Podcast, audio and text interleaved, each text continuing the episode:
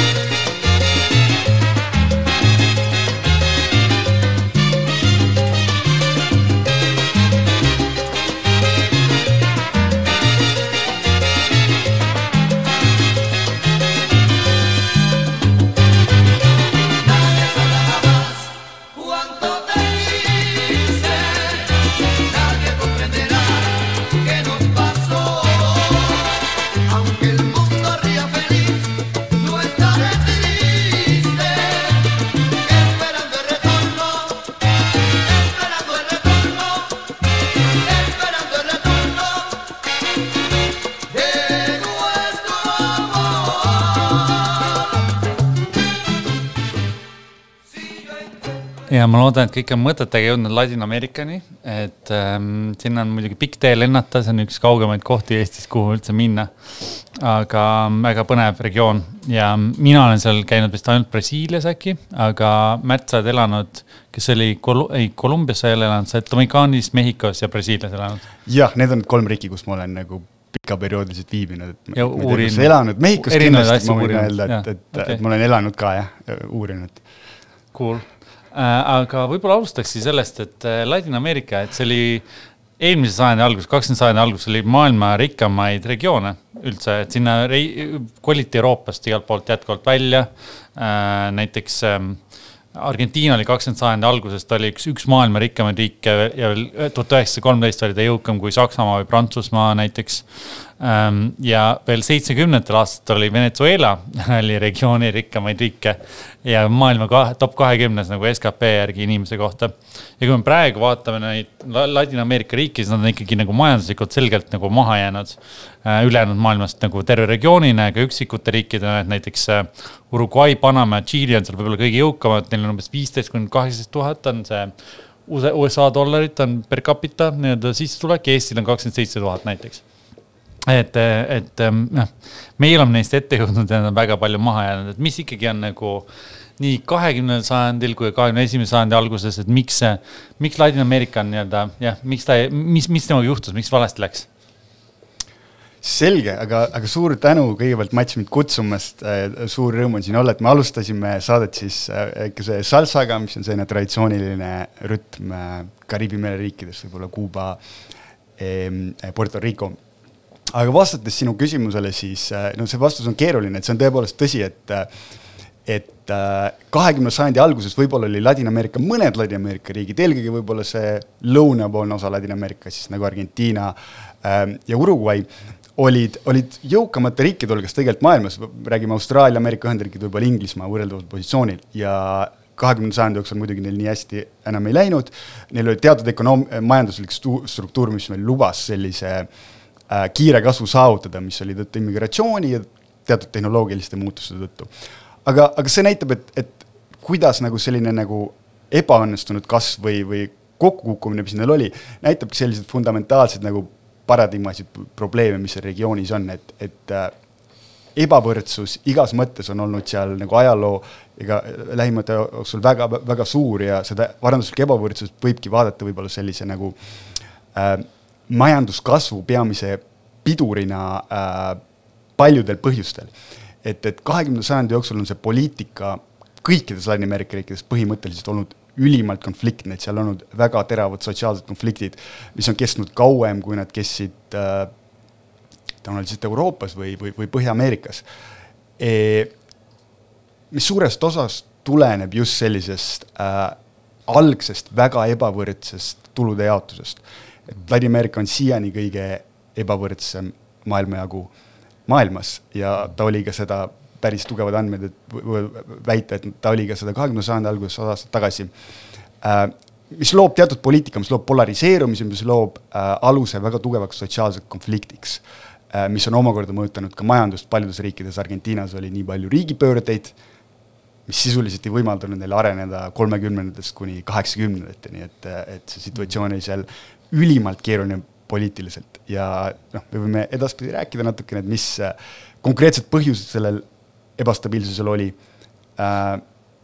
jah, ei, selles mõttes, et ebastabiilsus loomulikult on toodud igal, igal pool esimeseks põhjuseks, et miks riikidel ei lähe hästi, et sa ei saa, noh, selles mõttes, kui sul on mingid konfliktid, siis sa ei saa tegeleda majanduse arenguga nii palju. ja kui me vaatame lihtsalt seda suuremat pilti jälle, mis kahekümnendal sajandil toimus, siis äh, külm sõda oli väga palju mõjutas nii-öelda äh, Ladina-Ameerikat, seal nii-öelda USA vaatenurgast nende tagaõu, kuhu siis samamoodi Nõukogude Liit tahtis jõuda oma mõjuga. väga palju oli, kuna seal on nii palju ebavõrdseid režiime, siis palju seal valiti ka demokraatlikul moel suhteliselt vasakpoolseid liidreid võimule, kes ei olnud otseselt kommunistid, on ju. aga see noh, kindlasti nad otsisid nii-öelda tasakaalu oma välissuhetes ka, et selles mõttes ma ei tea, kõik need Allended ja muud, et, et nad kindlasti lõid ka suhteid nii-öelda siis sõbralike äh, kommunistlike riikidega tol hetkel. aga kui me vaatame jah, neid huntasid oli väga palju, millel, millel USA-l oli ka nagu roll. Brasiilia tuhat üheksasada kuuskümmend neli, Boliivia seitsekümmend üks, Tšiili seitsekümmend kolm, Argentiina seitsekümmend kuus. ja kui me vaatame, palju on veel militaarpöörde katseid, siis mõnes riigis on olnud üle kümne. et see jällegi toob nagu tohutu ebastabiilsuse jällegi loob selle olukorraga, kus riigis pannakse nii palju rohkem jõudu võib-olla sellisele jõuaparaadile jällegi, selle asemel, et areneda, mida me näeme Venemaal meil kõrval on on see, et selles mõttes kulutada raha haridusele, kulutatakse politseile et, et see on nagu võib-olla sarnane olukord, aga, aga ma küsiks selle kohta ka, et mis on nende võib-olla just selle selle nii-öelda huntade perioodi või just kahekümnenda sajandi võib-olla külma sõja aegse vastuolude perioodi, mis on selle tagajärjed, mis me seni, mida me seni tunnetame veel? No selles mõttes ma arvan, et, et pigem on nagu tähtis see, et mis on selline nagu äh, juurpõhjus, selline root cause äh, nende probleemide tekkimisel üldse, et neil on kõigil selline väga tugev äh, ajalooline side näiteks kolonialismiga, et, et kogu see poliitiline sotsiaalsüsteem on loodud nagu koloniaalsele vundamendile, et seal oli maaomand, kui konkistadoorid vallutasid äh, noh, ütleme, et siis Hispaania-Ameerika äh, puhul äh, võtsid lihtsalt maa endale ja sundisid äh, need indiaanlased, kes sinna jäid nagu põhimõtteliselt nagu päris orjadeks. okei okay,, see süsteem nagu lagunes päris kiiresti, aga ikkagi maaomand oli ülimalt kontsentreeritud. see tähendas, et ka kahekümnendaks sajandiks oli see nagu vahe, ütleme, jõuka, jõukate ja, ja kogu selle alamklassi vahel väga, väga, väga suur.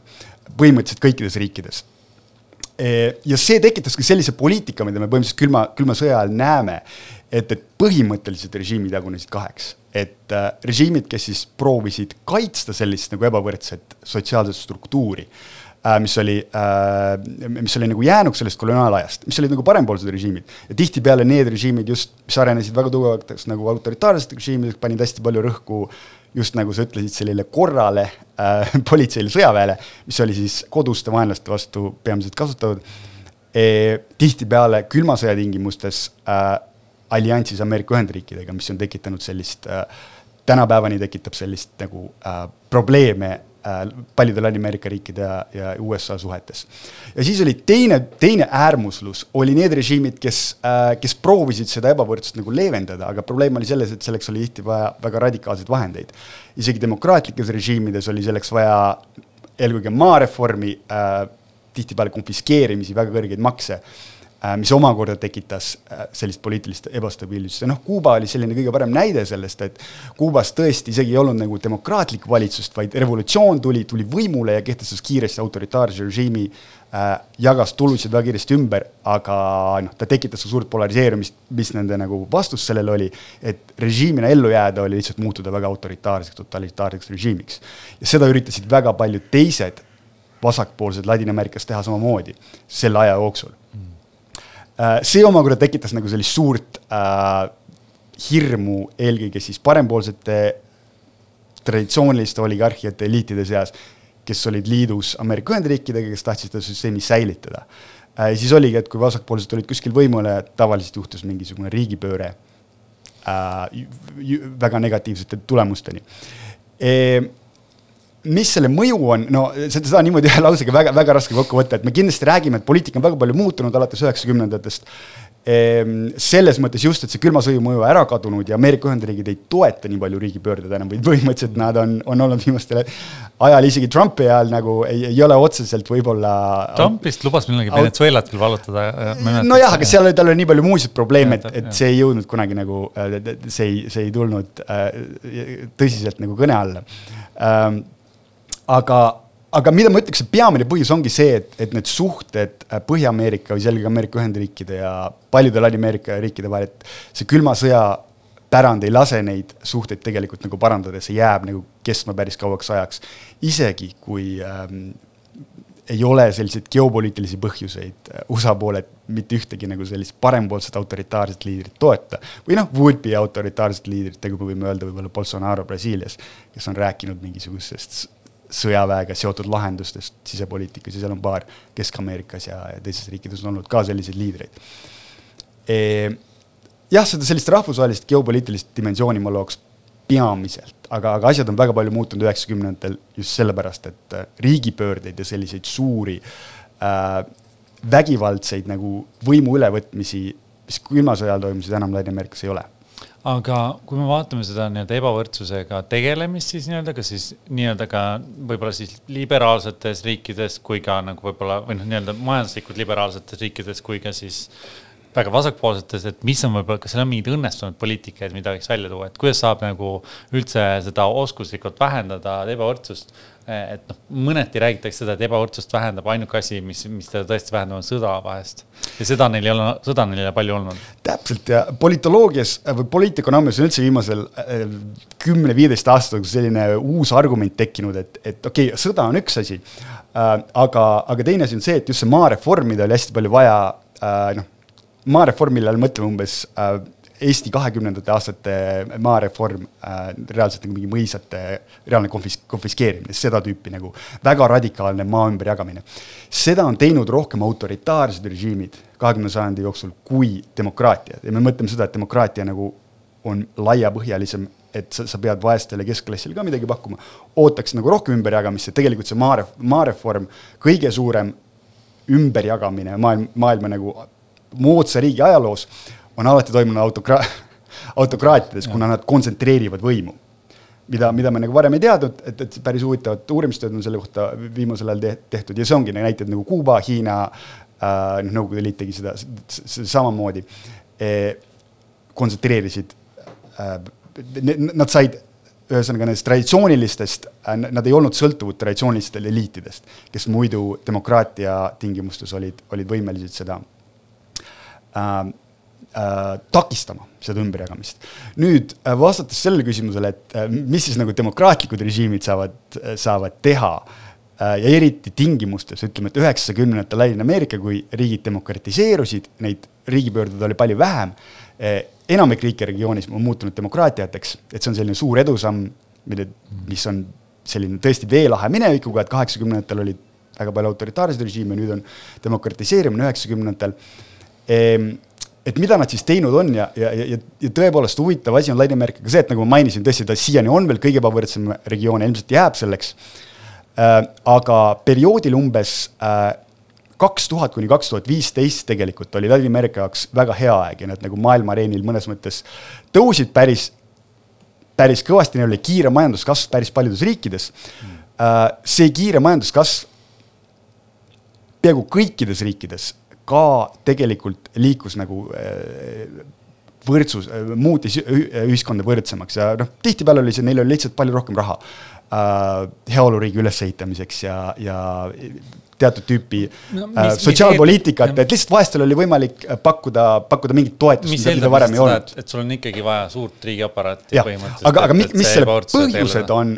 on, on jällegi see, et mis toimus maailmas äh, sel perioodil kaks tuhat kuni kaks tuhat viisteist, et Hiina, võib-olla mõned teised Aasia majandused olid väga kiiresti kasvanud äh,. Nad arendasid välja suhted Ladina-Ameerikaga, eelkõige siis äh, äh, tooraine ekspordiks. tooraine hinnad nendel aastatel olid väga kõrged, pluss veel äh, toiduainete hinnad näiteks, mida, mida Ladina-Ameerika suured riigid, näiteks Argentiina ja Brasiilia väga olulised ekspordivad äh,. eksporditulu äh, toitis neid sellistest äh, toorainetest või mineraalidest toitis seda majanduskasvu ja seal ei olnudki mingit sellist kõrgtehnoloogilist arengut või, või, või, või mingisugust industrialiseerimist, et me mõtleme, et riigid kasvavad industrialiseerimise abil, et seda ei olnud, et see oli puhas lihtsalt raha. see oli lihtsalt tuli... hinna, hinnakasv, et see oli, see nii-öelda jah, see kvaliteeti tõus on nii-öelda see väär, et nad oma ühiskonna struktuuri ei muutnud, aga, aga nad, see tõi lihtsalt palju raha neile sisse, mis võimaldas neil äh, riigi funktsioone laiendada ja see lõppes ära eelkõige kaks tuhat üheksa kriis. ta kestis natukene kauem natuke., äh, see, need hinnad läksid alla, kui sa vaatad äh, kaks tuhat kaksteist, kolmteist, võib-olla neliteist oli siis, kui need juba mitu riiki läks nagu kriis, ütleme Brasiilias oli suur kriis kaks tuhat viisteist, kuusteist, seitseteist. Äh, paljudel põhjustel, aga üks oli eksporditulude vähenemine. et, et et viimased kümme aastat Ladina-Ameerikal jällegi ei ole läinud hästi, majanduslikult nad ei ole kasvanud seesama ebavõrdsus, mis sina kirjeldasid riikide vahel on, on, on väga suur, et mõned riigid nagu ütleme, Tšiilil on väga hästi läinud, teised riigid võib-olla Kesk-Ameerikas äh,, Venezuela näiteks, on nagu ei, ei, ei ole kasvanud. Tšiili on ka kõige, kõige liberaalsem, selles mõttes ta on OECD liige, ta on nagu kõige selline, teeb kaubanduslepinguid aktiivsemalt. Ka OECD liige ja, aga noh, Mehhiko, ja Mehhiko teeb ka, teeb ka kaubanduslepinguid ja asju, aga ta ei ole võib-olla jah ta tundub mulle natuke võib-olla kraadi võrra protektsionistlikum, vähemasti praegu. aga, aga üldse, kui me, kui me räägime Ladina-Ameerika riikidest, siis väga palju on seal palju räägitakse sellest, et seal on päris palju bürokraatiat, seal on näiteks, ma ei tea, riigiga päris keeruline asju ajada ja nii edasi, et seal on selline võib-olla elitaarne nii-öelda võimupüramiid suhteliselt on ju, kus seal pead ootama oma ülemuste järgi ja nagu selline noh, paberimajandus ja nii edasi ja samal ajal on see kaubanduslikult on, on tegelikult enamik riike ikkagi päris protektsionistlikud, et nagu inimesed käivad oma kodumasinaid ostmas, ma ei tea, lendavad Brasiiliast Miami'sse ja siis hakkavad sealt noh toovad mingisuguse, ma ei tea, köögikombaine, ostavad endale, toovad lennukiga koju, et. et see on nagu niivõrd ebapraktiline, aga see on mingi majanduspoliitika tulemus. et, et miks, miks, miks neil on selline, jah, miks neil on nii protektsionistlik kaubanduspoliitika, üks küsimus. ja kas selle, mis selle mõjud on? suurepärane küsimus. Jah, me ei, ei, olnudki enne äh, seda, seda mõelnud, valmistudes selleks ette, aga, aga see on, ma arvan, läheb nagu see on lihtsalt väga oluline aru saada, mis äh, on lähiminevikus Ladina-Ameerikas toimunud. Et äh, väga hästi haakub tagasi sellele ideele, et me rääkisime, okei okay,, viimase aja kasv on tulnud äh, tooraine ekspordist ja samamoodi need riigid, me rääkisime Argentiinast, mis oli väga kiiresti kasvanud, eks ju, võib-olla üheksateistkümnenda sajandi lõpus, kahekümnenda sajandi alguses, samuti toorainet ekspordi baasil. et lihtsalt need toiduained, mida nad müüsid, eelkõige siis liha äh,, oli väga kõrge hinnaga äh, nagu maailmaturgudel sel hetkel ja nende rahvaarv oli nagu suhteliselt väike. nüüd äh, umbes kahekümnendatel, kolmekümnendatel ja need, need mudelid, need majandusmudelid Ladina-Ameerikas olid nagu väga liberaalsed, mis selle all ma mõtlen äh, vabakaubandus äh,. et, et neil ei olnud mitte mingisugust sellist äh, turgude kaitsmist või protektsionismi või majanduslikku äh, natsionalismi äh, selles mõttes e,. ja nad olid väga sõltuvad äh, välisinvesteeringutest ka, ütleme kahekümnenda sajandi esimestel, esimestel kümnenditel.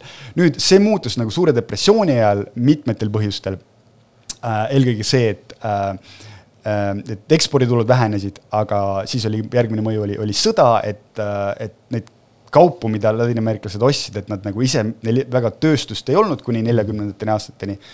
Okei okay,, võib-olla need suured riigid, Mehhiko, Brasiilia ja Argentiina, võib-olla midagi neil oli. aga sõja tõttu nagu need kaubavood katkesid ja nad pidid ise hakkama mm. industrialiseerima kolmekümnendatel, neljakümnendatel Eh, ja see tõi kaasa uut tüüpi poliitika, seal oli ka, ka su-, sügav majandusmõtlemine selle, selle taga äh, nagu struk-, strukturalismi majandusteooriad ja selline nagu sõltuvusteooria on ka sellega seotud.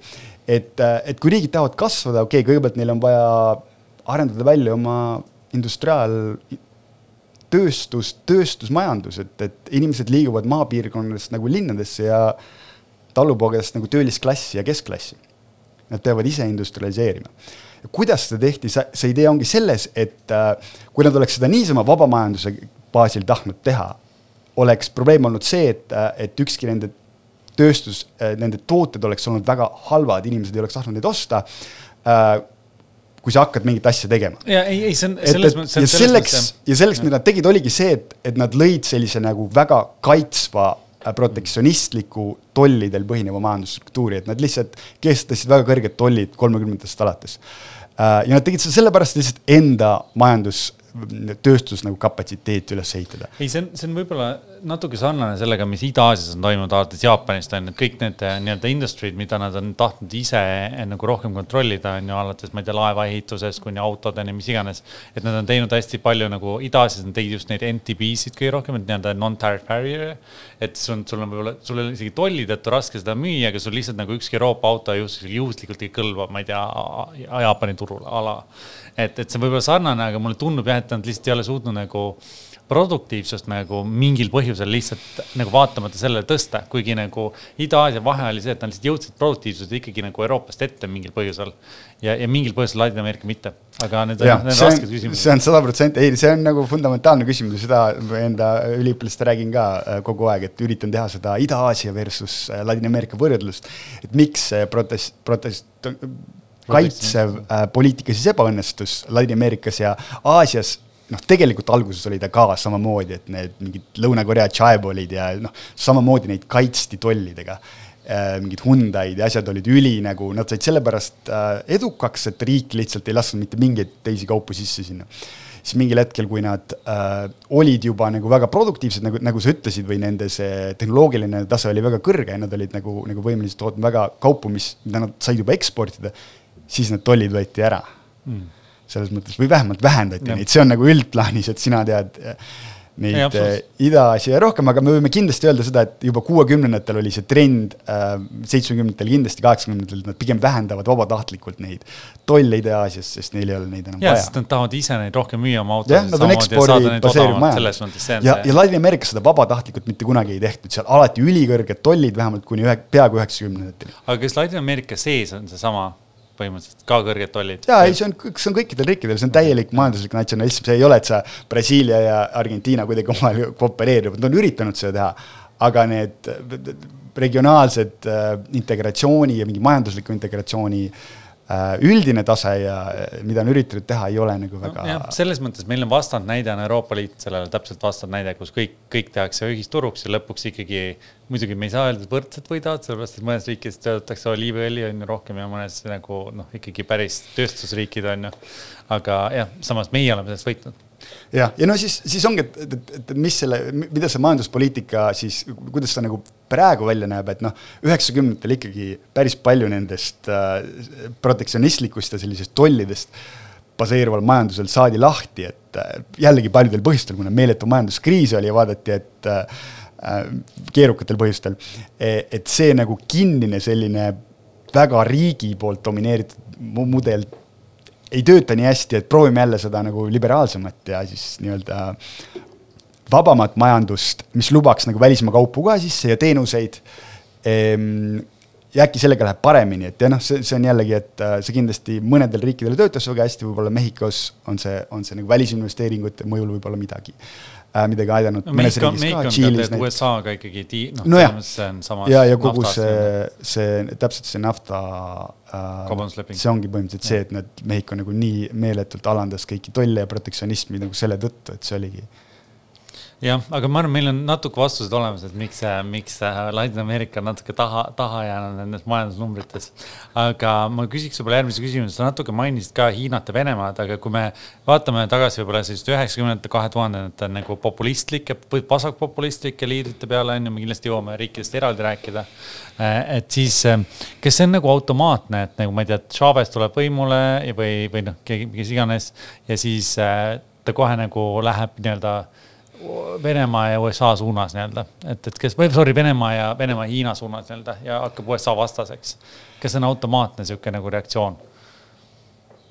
uh, äh, see on äh,, ma pigem ütleks, et ei ole, sellepärast et äh, et vasakpoolseid liidreid on ikka väga-väga palju valitud äh, viimase siis alates üheksakümne üheksandast aastast, eks ju, kui Chavez mm. äh, äh, alustas esimest korda nagu võimule tuli. Neid on valitud ikka väga-väga palju ja noh, peaaegu kõikides riikides, ma ei oskagi öelda sellist jah, ma oleks pidanud selle varem mõelma, ma kindlasti tuletan äh, meelde riigi, kus ei ole valitud ühtegi, Honduras, ei, see ei ole õige ähm,. Ähm, Guatemala, jah, on kindlasti selline riik, kõikides, no peaaegu, peaaegu kõikides Ladina-Ameerika riikides on olnud nagu vasakpoolse profiiliga mm. president viimase, viimase kahekümne aasta jooksul automaatne see kindlasti ei ole, seal olid äh, mingid väga spetsiifilised põhjused, miks Venezuelas see nii läks, et äh, lihtsalt äh, võimu nii-öelda kontsentreerumine ähm, mida, mida noh, et Chavez tõesti kontsentreerus väga-väga-väga palju võimu, ta oli väga populaarne äh,, mis võimaldas tal nagu autoritaarses suunas liikuda ja ka sellist, see populistlik diskursus, mis on nagu siis Ameerika Ühendriikide vastane, kõik see, et see on lihtsalt loo-, loo-, loogiline jah, aga, aga et loo-, et, et nagu selline, et see alati juhtuks, seda kindlasti ei ole. ja äh, noh, pigem on olnud enamik vasakpoolseid liidreid nagu väga mõõdukad just, et, et, et nad üritavad teha nii palju kui võimalik äh,. Nad on üritanud luua mingisugust äh, võib-olla majandus-sotsiaalpoliitikas mingeid muutusi, eelkõige siis lihtsalt äh, maksud, ma ei tea, toetused. jah, lihtsalt on, nagu jah. toetuste mõttes just nagu vaestele inimestele, et seda on üritatud hästi palju teha ähm,. aga, aga suurem osa nendest valitud vasakpoolsetest presidentidest ei ole nagu otseselt äh, sellist nagu vaenulikku positsiooni rahvusvahelistes suhetes äh, kindlasti võtnud ja noh, sidemed Hiinaga, noh, see on muidugi tähtis teema, aga, aga kõik Ladina-Ameerika riigid tahavad Hiinaga suhe. kõik, kõik tahavad suhelda. ka Hiina tahab kõigiga suhelda. aga ja... ainuke riik, ma mainin siin, on ikkagi, kes tunnustab äh, jätkuvalt Taiwan'i, on siis Paraguay, kui ma ei eksi, minu meelest on jätkuvalt Taiwan'iga suhtes mm. -hmm. et see on jah, üks riik on erand olemas. väga huvitav. aga siin on jälle, me teeme muusikalise pausi, eelmine kord Märt valis väga viisakaid lugusid, aga ikkagi reggaetoni tuleb ka mängida vahest oi,. oi-oi-oi. Estamos en vivo, sube, sube, sube el mic, mic.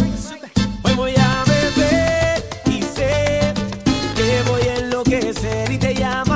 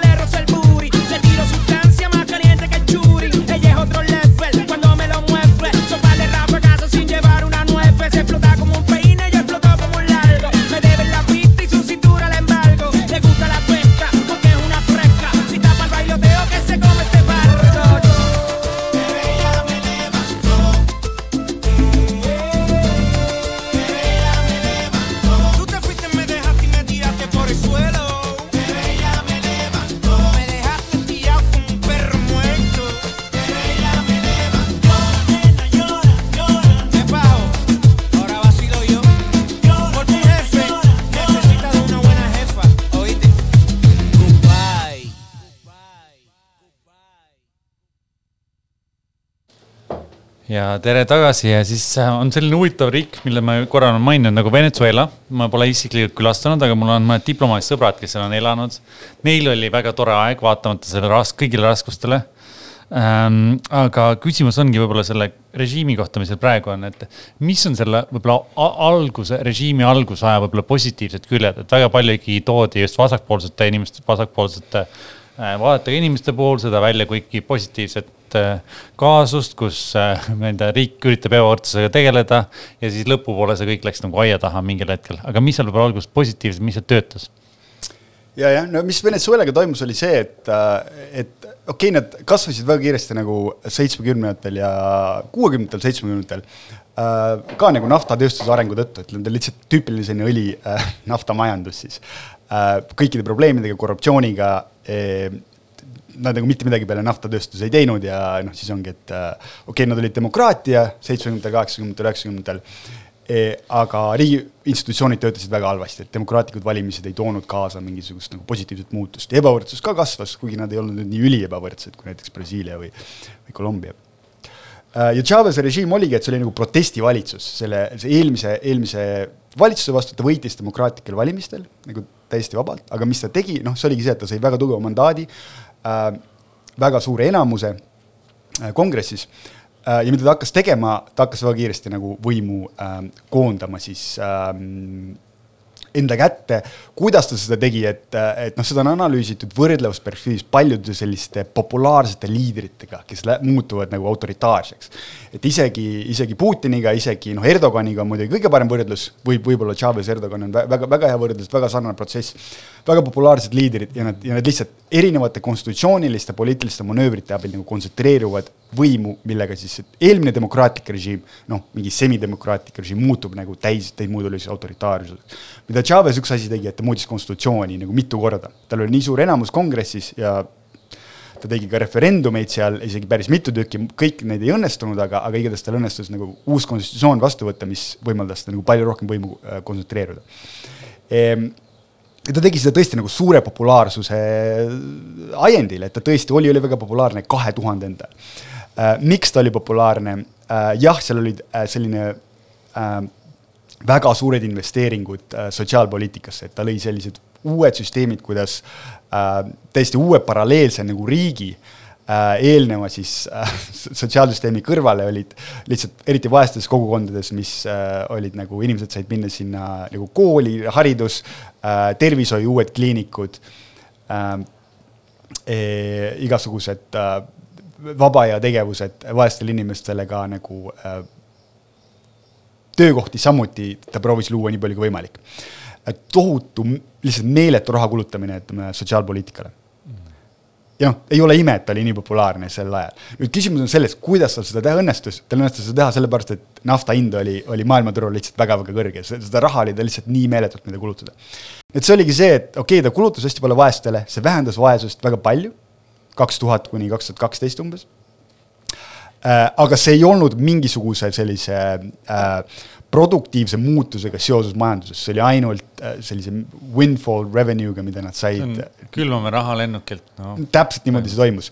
Ja ei ole ime, et ta nii populaarne oli. Ja noh, mida siis, eks ju äh,, nagu sa mainisid, ma sain aru, et sa mainisid sellist nagu rahvusvahelist äh, vasakpoolsuse tähelepanu et noh, et ja, kuidas me seda siis tõlgendame, alati leidus inimesi, kes kaitsesid Venezuelat pikka aega mingites vestlustes ja nii edasi. Aga, aga noh, et jah, et see, see raha ei olnud nagu kuidagi produktiivsel teel nagu, see oli, see oli täiesti nagu unsustainable selles mõttes, eks ju, et, et äh, ja see oli suhteliselt erand, et seda said mõned riigid veel seal teha, et, et eelkõige siis Ecuador ja Boliivia olid sellele sarnased natukene, kus olid natukene vähem autoritaarsed valitsejad, presidendid siis aga nad kasutasid samamoodi nafta ja maagaasi äh, tulu, et selliseid sotsiaalinvesteeringuid teha äh,. Venezuela puhul lihtsalt erinevus on see, et, et okei okay, tõesti ta oli populaarne kahe, kahe tuhandendatel ja eelkõige nagu rahvusvaheliselt ka, et oli edukas äh,. aga režiim lihtsalt juba kaks tuhat, noh, eelkõige kui Chavez hakkas äh,, kui Chavez suri kaks tuhat kolmteist, oli äh, ähm, režiim juba muutunud väga palju autoritaarseks, et, et äh, ju, äh, need valimised, mis olid, olid juba, juba nagu äh, seoti äh, kahtluse alla nende ausus ja kõik see. ja peale seda nüüd kaks tuhat neliteist, viisteist režiim väga palju nagu noh, muutus nagu täiesti äh, autoritaarseks, et, et valimistel ei olnud nagu suurt äh,, suurt mõtet enam, mis, mis toimusid. Äh, avalik arvamus ja Venezuelas kindlasti ka nagu oli sellele juba hetkel nagu, nagu tugevalt Chavez'i vastu, aga režiim oli loonud sellise nagu mingisuguse baasi ustavatest toetajatest, kellele nad hästi palju raha maksid äh,, väga tugeva sellise režiimi eliidi äh,, poliitilise eliidi, mis oli, ütleme, seal sõjaväe ja mingite äh, juba partei ümber, mille Chavez oli loonud ja Maduro, järgmine president, siis jätkas sellega e,. ja režiim majanduslikult neil hakkas väga halvasti minema, ütleme kahe tuhande neljanda, neljateistkümnendast, viieteistkümnendast aastast alates majandus kukkus sisuliselt kokku, vaesus meeletult tõusis. aga see ei tähendanud, et nagu see režiim ise oleks siis nagu sellepärast langenud või, või seal oleks olnud mingi riigipea või midagi sellist, et et, et ühiskonnal oli see nagu kõik need, need see edu, mida Chavez oli teinud nagu äh, tänu sellele kõrgele nafta hinnale, see nagu põhimõtteliselt pühiti kõik minema sellel järgmisel perioodil, kuna need sotsiaalpoliitikad, need programmid kukkusid tihtipeale kõik kokku. Sest raha lihtsalt ei olnud enam nagu seda nafta, nafta, naftatulu enam ei olnud. aga režiim ikkagi nagu jäi ellu ja ta on siiani ellu jäänud ja praegu viimastel aastatel on nagu pigem trend olnud see, et nad on nagu natukene parem, et neil ei ole mingit inflatsiooni, mingit nagu nad on natuke seda kontrolli alla saanud. aga samamoodi on ka lihtsalt väga palju nagu vaesus on lihtsalt meeletult tõusnud äh,.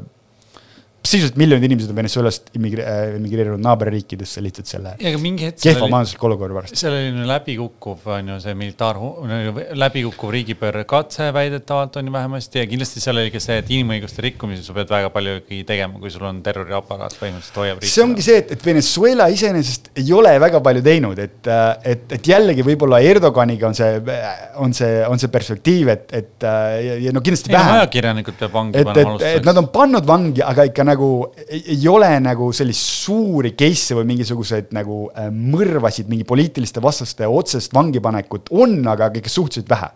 ja noh, tihtipeale on need, neil on õnnestunud ka alati nagu immigreeruda, nad millegipärast ei ole tahtnud Venezuelasse jääda, mitmed poliitilised oponendid. et, et seda on olnud kindlasti vähem kui sellistes teistes nagu äh, võib-olla s- sarnastes režiimides, mis on muutunud demokraatiast äh, autoritaarseks režiimiks. protestid samamoodi alates kahe tuhande kolmeteistkümne, neljateistkümnendast aastast on olnud su suured protestid Venezuelas režiimi vastu, jällegi suurtes linnades ja see ei ole ka midagi muutnud, et, et, et see ei ole viinud režiimi kokkukukkumine, midagi võib-olla mitte nagu, nagu No no, Valgevenes oli, eks ju, mõned aastad on, see on tagasi ka. tegelikult tehnokraatlikud, nad on väga-väga osavad olnud, sest mingid valimised Va- nad isegi kaotasid ja siis nad äh, põhimõtteliselt nagu, ma ei tea, mängisid, kuulutasid parlamendi, saatsid laiali ja ma ei tea, kaotasid. Jah, no nad on referendume kaotanud. igasuguseid asju. ja, ja jah, nad ei saanud absoluutselt enamust ja siis nad tegid uue, lihtsalt uue parlamendi põhimõtteliselt, kutsume seda nii või siis sellise konstitutsiooni assamblee, mis oli nagu noh, täielik täielik farss, et seal ei olnud demokraatiaga mitte midagi diktaatoritel on palju igast õppe, õppetunde, kus saab meid.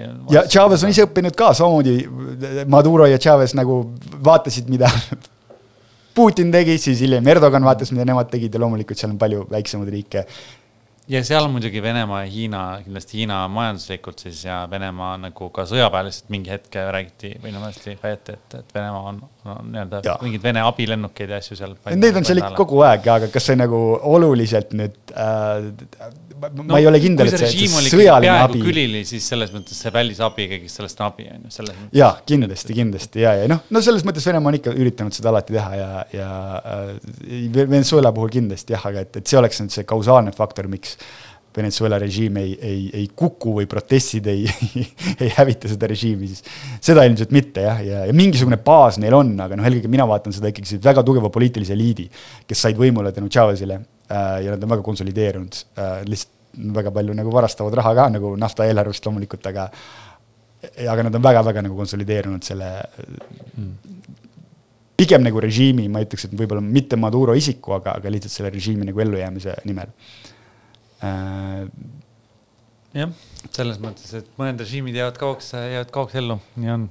on Põhja-Korea on näiteks hea näide, et millegipärast on ikka veel olemas jah, sellisena.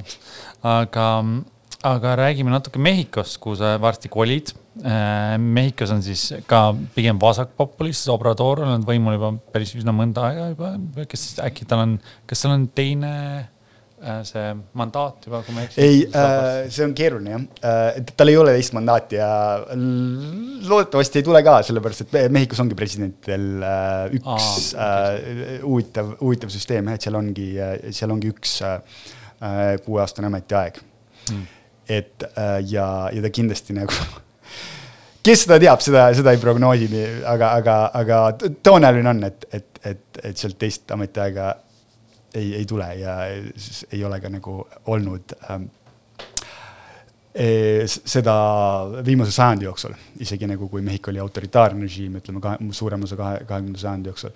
aga mida siis selle Andres Manuel Lopez Obradori kohta võib öelda, et ähm, et, et, et võib-olla nagu me enne ütlesime, et, et mida see tähendab siis, et selline ametlikult äh, vasakpoolne president tuleb võimule ja, ja midagi nagu väga ei ole nagu ühiskonnas muutunud või sellist mingit suurt muutust ei olnud e,. et ma ütleks, et see ongi pigem olnud selline nagu enamlevinud äh, stsenaarium, mis on, mis on, mis on, mis on juhtunud enamikes riikides, kus on, kus on seda tüüpi president valitud, et, et äh, nad üritavad midagi teha äh,. Neil on kindlasti nagu mingi agenda, mis äh, just nagu vaestele, ütleme, et mingi informaalses sektoris inimestele äh, on tähtsam, nad üritavad luua poliitikat enda jaoks, aga tihtipeale nad ei ole, ei ole väga edukad selles ja noh, tema on kindlasti üritanud teha asju. et mida ta nagu, kuidas ta sai võimule, mida ta lubas Ehm, noh, esimene asi võib-olla siis, siis ongi öelda see, et, et, et Mehhikos ei ole nagu kunagi sellist ütleme, viimase äh, viimaste kümnendite jooksul sellist otseselt nagu vasakpoolset presidenti olnud. Ja, ja Mehhiko on üldse huvitav, et, et tema režiimi tüüp või selline poliitiline süsteem oli natukene teistmoodi kui Lõuna-Ameerika riikides mm..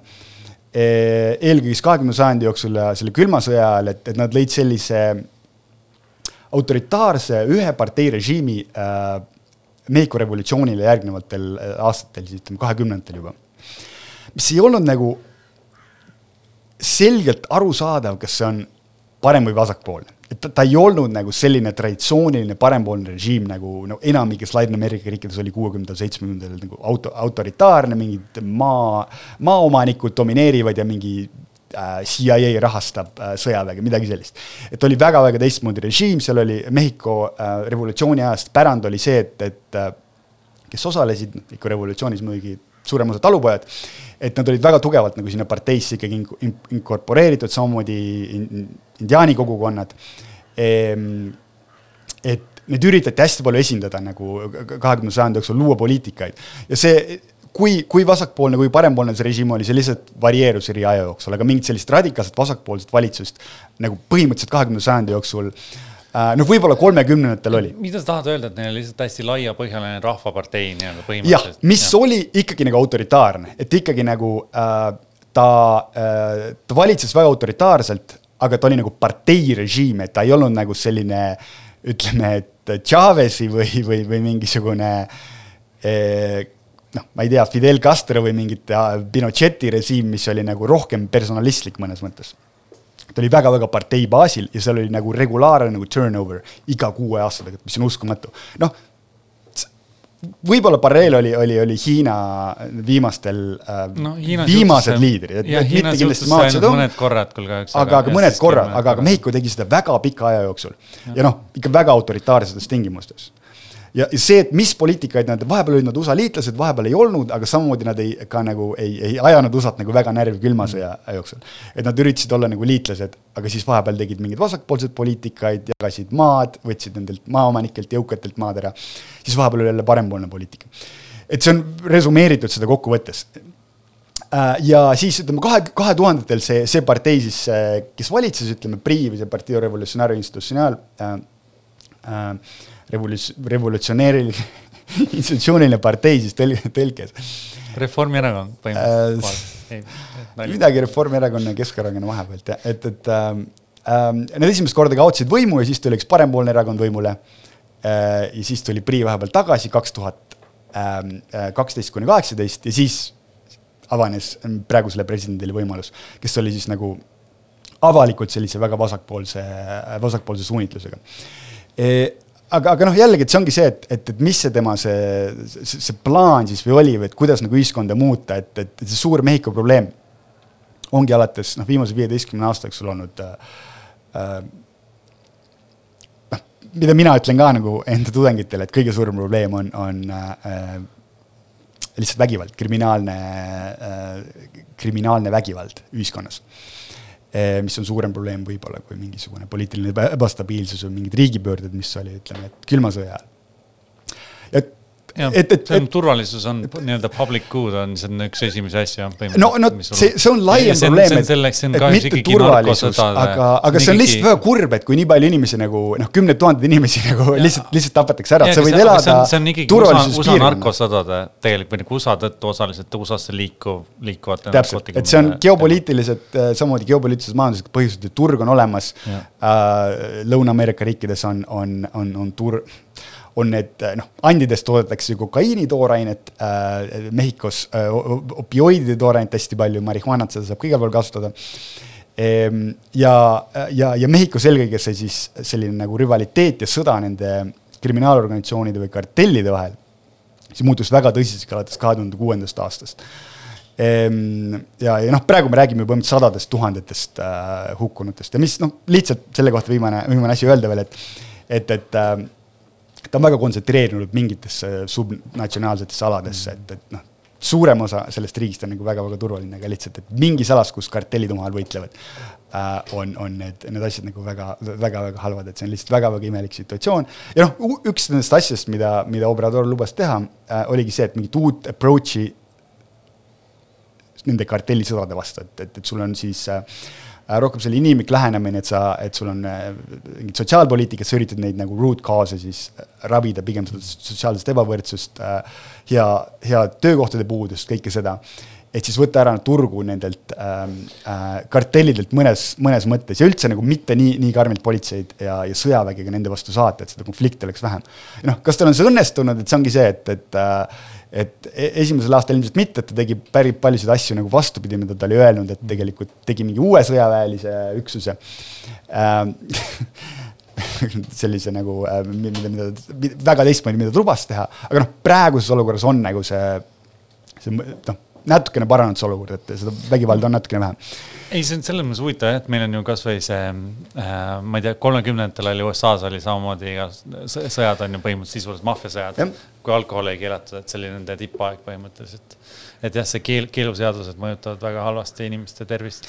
jah, ja see oli just selline nagu kahe tuhandel kuuendal aastal oli nagu sõjaväeline selline lähenemine selle narkoprobleemi või kartellide probleemi vastu ja see oli nagu ilmselgelt ebaõnnestus, selle mm. parempoolse valitsuse, kes tahtis enda valijatele näidata, et me tegeleme kuritegevusega nagu vägivaldsel moel, moel me saadame sõjaväe nagu neid kartelle äh, rahustama, see oli täielik ebaõnnestumine, see nagu tekitas rohkem vägivalda, kuna need kartellid jagunesid, fragmenteerusid ja seal oli nagu rohkem kartelli vahel sõdu, palju rohkem vägivalda, nüüd meil on uus lahendus, et noh, et, et äh,, et, et see on see fundamentaalne debatt, debatt ja noh, väga paljudes teistes Ladina-Ameerika riikides, Ladina-Ameerika riikides samamoodi on see nagu, nagu, nagu väga oluline aga ma küsiks selle viimase asjana Mehhiko kohta lihtsalt, et mis on ikkagi Obradoril võib-olla õnnestunud põhimõtteliselt, et, et sa rääkisid hästi palju sellest taustast, võib-olla, mis on nagu Mehhiko, kust ta üldse tulnud on ja kus me oleme praegu aga.... ma ei taha üldse mitte midagi öelda selle kohta, sellepärast okay. et li, ma arvan, liiga vara on, on, noh, see oli ikkagi äh, no kaks tuhat üheksateist oli ikkagi esimene aasta, kui tal oli võimalik nagu äh, äh, nagu, nagu midagi teha, et noh, ta valiti,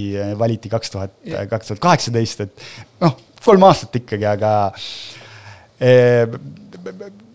et ei tundu see, see vähemalt selliste haritud inimeste hulgas Mehhikos see nagu pettumus on, on väga suur, et oodati nagu palju rohkem temalt ja oodati just, et ta mingi korruptsiooni vastu võitleb ja, ja mingeid uusi edukaid initsiatiive et neid edukaid asju ei ole väga palju, mida ta, mida ta on teinud, nii et äh, see no, on pettumus no,. see on selles mõttes populistidel on see häda, et nad ei, alati ei suuda deliver ida, kui nad lubavad tervet maailma kokku. aga sa rääkisid mulle, tema hea sõber on äh, Donald Trump, et, et miks need kaks äh, hästi läbi saavad. et äh, kuna üks on nagu vasakpopulist ja teine on täiesti parempoolne ja on mehhiklasi no saatnud igast kohtadest. see ongi Ladina-Ameerika poliitika puhul ongi sellised imelikud asjad ja sellised nagu naljakad asjad, et sa ju ise ei usu ka ju äh,. ei olnud, no äh, kampaania ajal kaks tuhat kaheksateist oli, oli äh, Lopez Obrador väga vaenulik alati Trumpi vastu, see oli see aeg, kaks tuhat kaheksateist, kui Trump ikka nendest äh, wall'idest asjadest rääkis, et Mehhiko peaks rahastama ise mingisugust seina nende piiril ja äh, väga nagu karm selline kriitika USA suhtes, nagu Ladina-Ameerika vasakpoolsed on, on tavaliselt teevad, me sellest rääkisime. äh, kui ta tegelikult võimule sai kaks tuhat kakskümmend, äh, ma arvan, et see oli, äh, ma, mul ei tule meelde, mis kuupäev, kuul see täpselt oli, millal nad kohtusid, see, see oli, pandeemia oli, ma, ma ütleks, et see oli kevadel millalgi, võib-olla aprillis. Äh,. aga, aga pandeemia oli nagu mõlemas riigis, USA-s oli nagu väga tõsine. Äh,, Mehhikos oli see alles jõudmas. Ja siis nad kohtusid, arutasid paljusid asju, mis oli seotud vabakaubandusega ja äh, ja migratsiooniteemadega loomulikult. Ja siis nad seal lihtsalt kohtumisel nagu lõid tugeva personaalse sideme ja said nagu parimateks sõpradeks ja peale seda on nad ainult positiivseid asju üksteisest rääkinud ja, ja noh, peamine asi on öelda see, et, et nagu äh, äh, Obrador ei ole kunagi nagu peale seda Trumpi kohta mitte midagi nagu kriitilist öelnud ei noh, see, ta ilmselgelt on see love from first sight. ja, ja, ja ta ei hooli nagu väga paljudest sellistest teemadest, mille pärast nagu võiks nagu vihata Trumpi mingisugune ja. kriitika mingisugust. ka mingi... populistlikel liidritel on ka laiem võimalus tegelikult oma vaateid lihtsalt mängida ühte suunda või teise suunda. ja ei, nad lihtsalt vaibisid, noh, see oligi see ja, ja nad nägid, et nad jah super, meil on viis minutit aega, ma tahaks korra küsida ka Brasiilia kohta, et meil on olnud äh, ja samamoodi päris palju aastaid Bo- Bolsonaro, Bolsonarot, mäletan, kui ta võimule tuli, siis kõik Brasiilia sõbrad jagasid igast asju, et on maailma lõpp tulemas. Mis on siis juhtunud seal reaalselt ja, ja kas ähm,, kas me saame, kas ta tuleb uuesti võimule?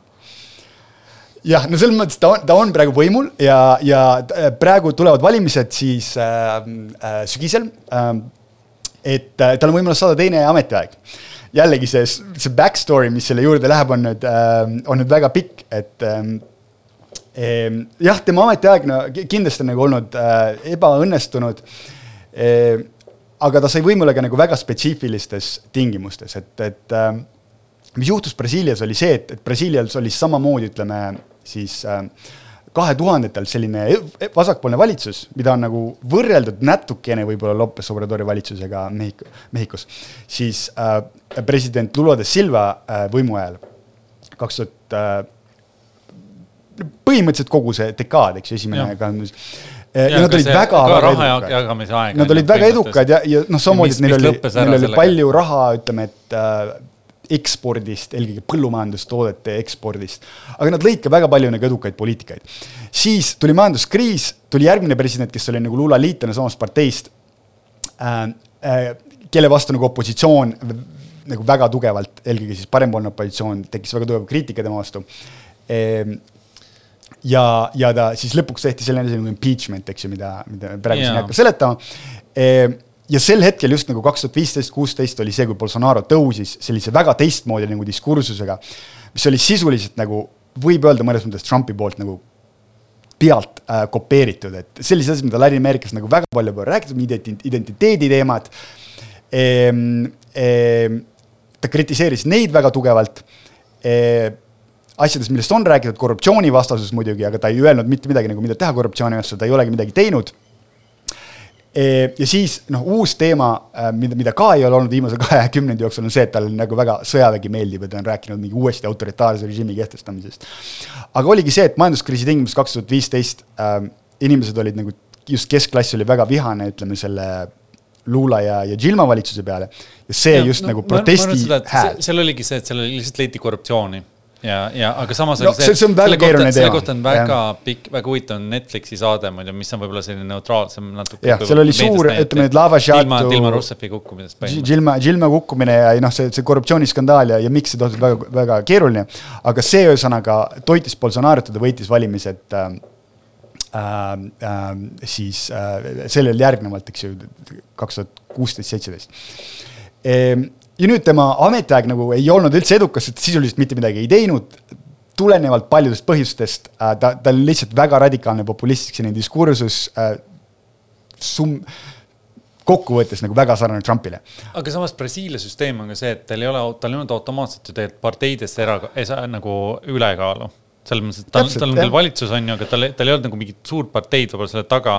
tal ei olnud parteid, aga see tuleb jälle sellistest väga spetsiifilisest Brasiilia specific fact, factor itest, et see ongi see, et, et, et Brasiilia on nagu äärmuslik multiparteisüsteem ja, ja tihtipeale presidentil ei ole, ei ole enamust ja noh, Bolsonaroga on niimoodi no, ongi, et tal on väga raske seda olnud teha. mis tekitab jällegi poliitilise ebastabiilsuse nagu lõputult, ja, lõputult. ja praegu ongi nii, et järgmistel valimistel, et ilmselt tuleb äh, see vana president Lula de Silva tagasi äh, järgmistel valimistel, et ta praegu väga äh,, väga võimsalt juhib äh, küsitlustes, ta oli edukas edukas headel majanduslikel aegadel. ta, ta oli vanglas äh,, süüdistused olid tõsised, siis avastati, et need olid poliitiliselt fabritseeritud ähm,. siis viimased, viimase paari aasta jooksul, mis lubas tal uuesti kandideerida, ta tahtis äh, eelmistel valimistel ka kandideerida, aga nüüd äh, noh, kaks äh,, sellel aastal tal on võimalik kandideerida, juhib väga võimsalt. Seesama vasakpoolne tuleb valimistel ta tagasi oleks. ka võinud tegelikult võita, kui ta oleks ta oleks võinud, ta, ta olekski tõenäoliselt võitnud jah aga jah, meil on üks minut aega saate lõpus, aga sa uurid Ladina-Ameerika poliitikat, et räägi natuke poliitika uurimisest nagu paari lausega, sest varsti me lõpetame. ja see on, mul on olnud väga äh, äh, häid kogemusi ja eriti tehes sellist nagu ähm, uurimistööd, intervjuusid äh, maapiirkondades ja äh, eriti nagu sellistes äh, külakogukondades, sellistes väga-väga väikestes kohtades kui sa küsitled inimesi, äh,. ja äh, ma olen seal, noh, ma olen teinud seal ka nii kvantitatiivseid selliseid äh, uurimusi või survey sid, aga ma olen teinud ka hästi palju intervjuusid, mis võimaldas mul nagu sellise arendada need kvantitatiivsed asjad välja, et, et, et ma olen rääkinud äh, kogukondade liidritega, et, et, et sellised äh, kogukonnad, mis on nagu kohalike omavalitsuste sees näiteks, et mõtleme, et Eestis on nüüd haldusreform oli, kohalikud omavalitsused on suured. ja täpselt sama asi on ka seal, et, et kohalikud omavalitsused, nad koosnevad tegelikult paljudest erinevatest kohtadest ja mina üritasin just seda nagu variatsiooni tabada seal see on väga huvitav, ma arvan, me vajaks veel ühte tundi, et sellega jätkata, aga me peame tänama kõiki meie kuulajaid, meie saade on läbi ja kahe nädala pärast kohtute hoopis äh, Marianiga saab olema Londoni eri, aitäh. aitäh.